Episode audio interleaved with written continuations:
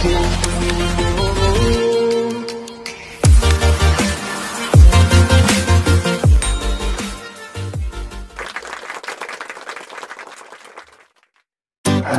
siang, kembali bersama saya Agung Suragumla dalam acara Beyond Education Podcast. Podcast yang selalu uh, menemani Anda semuanya di rumah dan di mana pun Anda berada. Dan kita pun selalu update dua hari sekali Silakan langsung lihat update-nya dan subscribe Nyalakan loncengnya, notification-nya, dan lain-lainnya. Agar tidak ketinggalan update dari Beyond Education Podcast. Karena kita menghadirkan beberapa materi di antaranya terdiri dari parenting, motivating dan coaching, ada juga sesi Q&A yang sedang ya, ya mungkin beberapa bulan ini kita Q&A terus ya kalau nggak masalah. Itu kan eh, bentuk dari pelayanan kita terhadap eh, ke apa terhadap ke, terhadap perkembangan masyarakat. Jadi banyaknya orang bertanya kita jawab. Banyak orang bertanya kita jawab. Dan kita berusaha sebaik mungkin untuk menjawabnya. Seperti itu. Dan ada juga sesi tentang pendidikan. Tentang sekolah tentang schooling tentang apa kita bahas di sini ya. Baik jadi jangan terlewat sesi dari Biologi Podcast. Dan jangan lupa kalau misalnya waduh sibuk nih nggak bisa nih YouTube nih eh, susah gitu kan. Atau misalnya hmm, nggak bisa mantengin YouTube ya boleh langsung aja. Jadi tinggal kalau misalnya teman-teman atau viewer semuanya suka dengan yang namanya radio atau suara saja tanpa melihat tanpa harus melihat eh, siapa yang berbicara gitu kan langsung saja. Beyond Education Podcast pun hadir di radio online seluruh Indonesia. Seperti itu ada Spotify ada Google Podcast ada Apple Podcast yang pengguna iPhone ya. Langsung searching aja itu dengan kata kunci Beyond Education. Dan kita juga hadir di RCTI Plus. Namun di RCTI Plus sedang ada perombakan platform. Jadi kita sedang menarik yang lama dan akan menampilkan platform yang baru. Ditunggu saja kalau misalnya benar-benar pada penggemar RCTI Plus. Jadi ditunggu saja ya karena sedang ada sebuah penilaian dan aksesnya. Baik saya hari ini bersama dengan Pak Doni. Halo teman-teman semuanya, gimana Gung? iya nih Pak Doni Ada apa nih? ada sebenarnya kita sebentar lagi sudah menjelang akhir tahun Oh iya, iya. Gak kerasa ya Kayaknya nunggu liburan Jadi selama ini gak kerasa gitu Pak kira-kira Iya. Kok tiba-tiba udah akhir tahun aja berlalu ya. Iya. Dan Beyond Education Podcast pun sudah hampir satu tahun ya Pak ya Udah lebih Lebih ya Lebih, Lebih. Ya, udah setahun Hampir mau setahun setengah Jalan dua tahun Jalan dua tahun. Semoga kita, kita tetap jalan terus. Tetap Ah, istiqomah. yes. Dan sekarang ada pertanyaan lagi nih Pak nih. Aduh banyak nanya Nggak nggak banyak nanya sih emang Kita memerlukan pertanyaan Anda Oke? Sebenarnya sih ini emailnya bisa dikatakan uh, unik namanya gitu. Apa nih? ya emailnya uh, bla bla bla bla gitu lah. Tapi saya anggap itu non name aja ya pak Oke, siap. Pertanyaannya simple sih gini. Hmm, mungkin dalam penjelasan deskripsi beliau banyaknya orang tua gitu kan yang tidak peduli terhadap anak perkembangan anak dan paling penting yang beliau ingin tanyakan adalah mengapa orang tua orang tua gitu ya, tidak bisa mengenali potensi anak? Ya, Nah, di sini saya berpikir apakah beliau menjadi korban? Atau beliau sebagai orang tua nggak kenal uh, potensi anaknya kita asumsikan seperti itu. iya, iya, iya Kenapa apa bisa orang tua itu nggak bisa mengenali potensi anaknya? Nah, itu. Ya karena orang tua tidak memiliki usaha untuk mengenali potensi anaknya.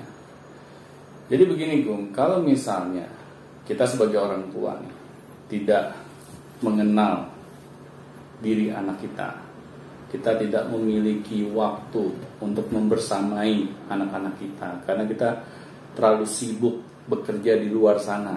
Apalagi kalau ibu dan bapak dua-duanya bekerja. Ya otomatis bagaimana kita sebagai orang tua dapat mengenal diri anak-anak kita? Apalagi mengetahui potensinya. Kita mengenal secara personal aja. Kita tidak memiliki kedekatan ya apalagi kita ingin mengenal potensinya kan kita bisa mengenal potensi anak kalau kita lebih mengenal diri secara personal anak-anak kita tapi kan kebanyakan orang tua menyerahkan hampir seluruh pendidikan anak-anaknya kepada orang lain. Hmm, itu. Hmm. Nah, apalagi kalau orang tua sama sekali ya tidak mau berperan. Meskipun bukannya ini ya kita sebagai orang tua tiba-tiba berlaga seperti guru di sekolah ya. Hanya sekedar menemani anak-anak kita bermain saja, kita tidak memiliki waktu gitu. Nah, akhirnya kita tidak memiliki yang namanya waktu yang berkualitas bersama dengan anak-anak kita. Akhirnya hubungan kita semakin jauh lagi gitu dengan anak-anak kita. Jadi wajar kita akhirnya jadi seperti orang asing gitu Hmm. dengan anak-anak kita, meskipun kita tinggal satu rumah. Iya, ya gimana mau mengembangkan potensi kenal Nah, aja itu, enggak? Kenal aja enggak. Nah, tapi orang tua nggak sadar kok Iya. saya sulit ya mengenal potensi anak kita. Hmm. Ya, sedangkan kita aja tidak memiliki waktu bersama dengan anak kita, ya bagaimana akan mudah bagi diri kita mengetahui potensi anak-anak kita. Nah di sini memang harus ada pengorbanan, bu, bagi kedua orang tua gitu, Iya. untuk memaksa diri kita Hmm. mau membersamai anak-anak kita. Ada effort lebih. Harus ya. effort lebih. Hmm, Emang itu sudah menjadi bagian dari pilihan kita ya? Iya, kalau kita memutuskan nih Keputusan. ingin menjadi orang tua, Iya. ya berarti di situ harus ada pengorbanan. Tetapi kalau kita hanya ya mohon maaf ya hanya mau bikin anak aja, Anaknya diurus sama orang lain. ya, Terus gede. nah itu kan memang pilihan ya. Iya. Tetapi kita siap nggak men- menerima segala uh, konsekuensinya? Nah di sini kan orang tua jangan mengeluh gitu. Kalau kita memilih opsi menyerahkan seluruh pendidikan anak-anak kita kepada orang lain, pasti hasilnya belum tentu kita sukai. Dan ya yang jelas nggak sesuai dengan apa yang kita bayangkan gitu Iya. ya. Kalau misalnya orang lain kan punya metode masing-masing. Benar, gitu. benar. Sebenarnya ya saya kan alhamdulillah ya, diberikan kesempatan oleh Tuhan gitu berada di dunia pendidikan ini selama bertahun-tahun. Akhirnya saya menyadari gitu, kalau kita ingin mengetahui potensi anak-anak didik saya, saya harus lebih mengenal mereka gitu. Saya harus mengobservasi keseharian mereka. Saya tidak dapat menyerahkan apa yang menjadi tanggung jawab saya sebagai seorang pendidik itu ke pihak luar. Meskipun saya pikir mereka memiliki kompetensi, misalnya seperti seorang psikolog, ya, atau enggak provider provider yang menyediakan tes bakat minat. Ternyata itu semua nggak cukup gitu. Karena saya sudah pernah mencobanya, ternyata tidak bisa menjawab 100% gitu potensi yang dimiliki oleh anak-anak didik saya. Nah akhirnya saya ngambil kesimpulan bahwa kita lah sebagai orang tua, sebagai pendidik yang ada di sekolah, yang harus mau terjun langsung mengobservasi apa yang menjadi kekuatan maupun kelemahan dari anak-anak didik kita. Nah di sini orang tua harus mau meluangkan waktu gitu, melihat keseharian anak-anak kita dari dia bangun tidur hingga dia tidur kembali. Kita melihat apa yang anak-anak kita ini lakukan dalam aktivitasnya. Nah di sini akhirnya kita bisa melihat Hmm. kira-kira anak kita ini strength-nya itu ada di mana sih? Iya. Betul betul. Nah, itu kan bisa terjadi akibat pengamatan kita. Jadi kita memperhatikannya anak hobinya apa, Ya, kesukaannya itu. apa gitu. Benar. ya. Harus itu harus setiap hari ya, Pak. ya. Kadang kadang anak-anak berubah-ubah Nah, itu. Benar. Kadang kan mereka juga mengalami kendala Iya. di dalam aktivitas yang mereka lakukan. Hmm. Nah, di sinilah orang tua harus menjadi supporter terbaik anak-anaknya. Akhirnya anak-anak kita ini ketika mereka mengalami kendala, mereka bisa gitu mencari orang tuanya untuk bertukar pendapat. Hmm, yang ada diajak berdiskusi gitu. Nah, nah akhirnya kan kita jadi tahu nih apa sih masalah yang dialami oleh anak kita. Hmm. Apa yang kita bisa bantu. Bukan berarti orang tua yang menyelesaikan masalah anak-anaknya ya. Hmm. Nah, tetapi di sini orang tua sebagai orang yang mendampingi gitu. Hmm, teman curhat ya. teman curhat teman Iya, sharing sharing, ya kan diskusi. nah akhirnya kan anak ya insya Allah kalau orang tuanya yang berperan di sini Hmm. akhirnya orang tua bisa memberikan saran yang terbaik Hmm.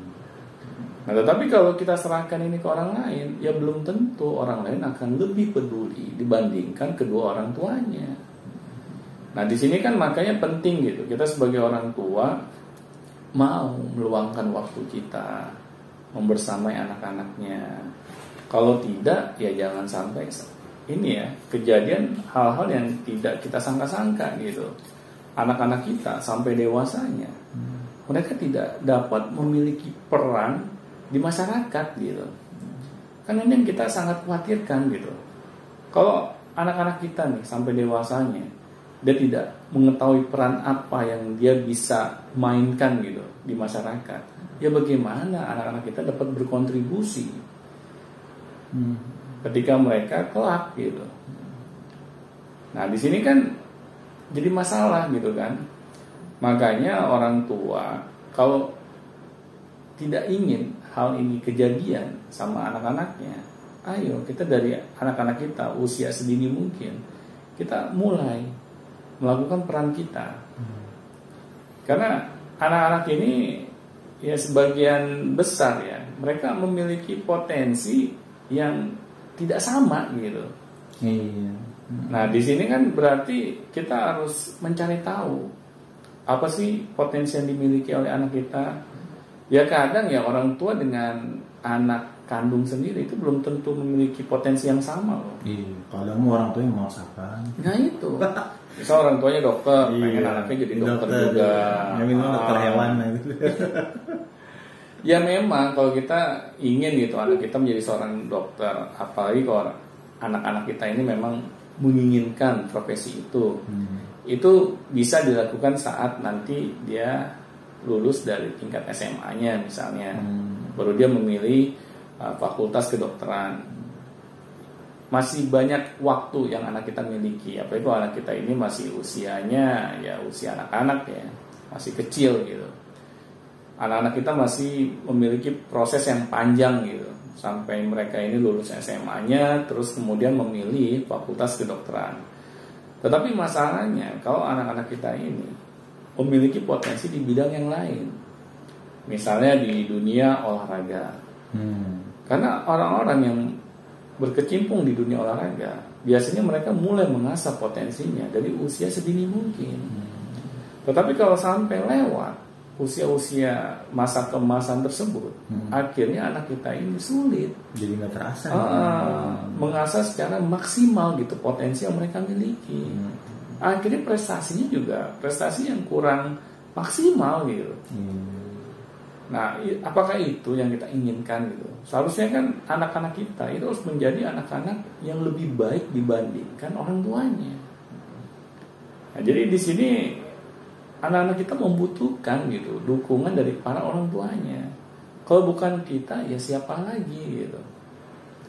Nah, jadi di sini emang pentingnya, Bung, bahwa setiap orang tua ini harus memiliki kepedulian tingkat tinggi kepada anak-anak.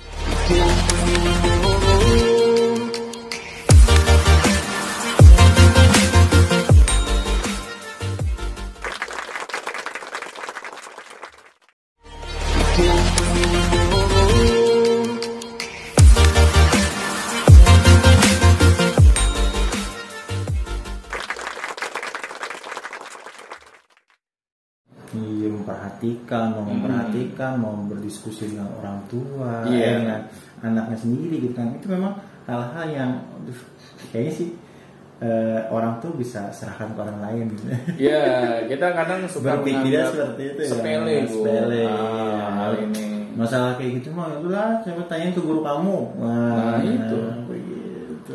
Kadang saya pernah gitu ya, pas saya mengisi seminar ada seorang ibu yang mungkin dia kurang senang gitu mendengar kata-kata saya ketika saya singgung bahwa seorang ibu itu seharusnya di rumah.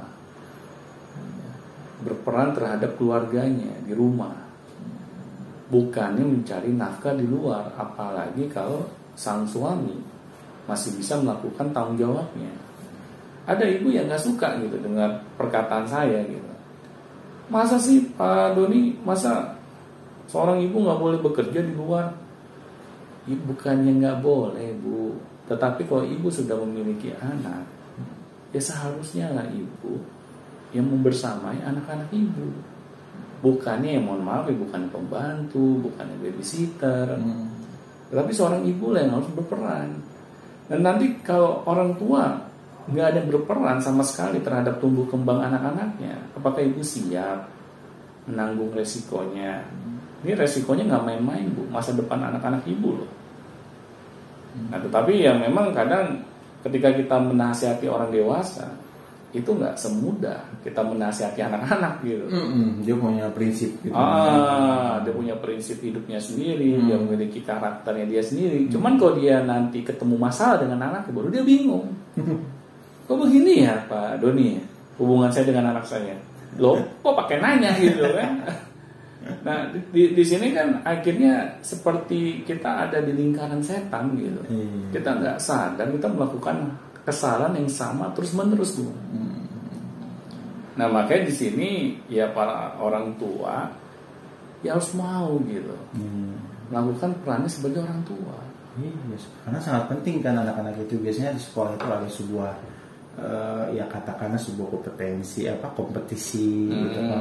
Terus mereka butuh, dukungan, Ya, itu. mereka butuh ini. Jadi, ketika misalnya sudah ketahuan nih, alhamdulillah potensi sudah ketahuan nih. Iya. Nah, sekarang kita coba kompetensinya eh, kompetensinya kompetisi Hmm. berlomba gitu kan. Iya. Senang kalau ditemani dengan orang tuanya gitu. Benar, benar. Kadang anak-anak dia ditem apa berlomba tapi kalau nggak ada orang tua itu kayak gimana gitu. Iya. Apalagi dicegah gitu. Benar apalagi dicegah gitu kan. Nah kamu nih matematika aja angkanya 5 Iya. so ikut kompetisi musik misalnya. Iya begitu begitu.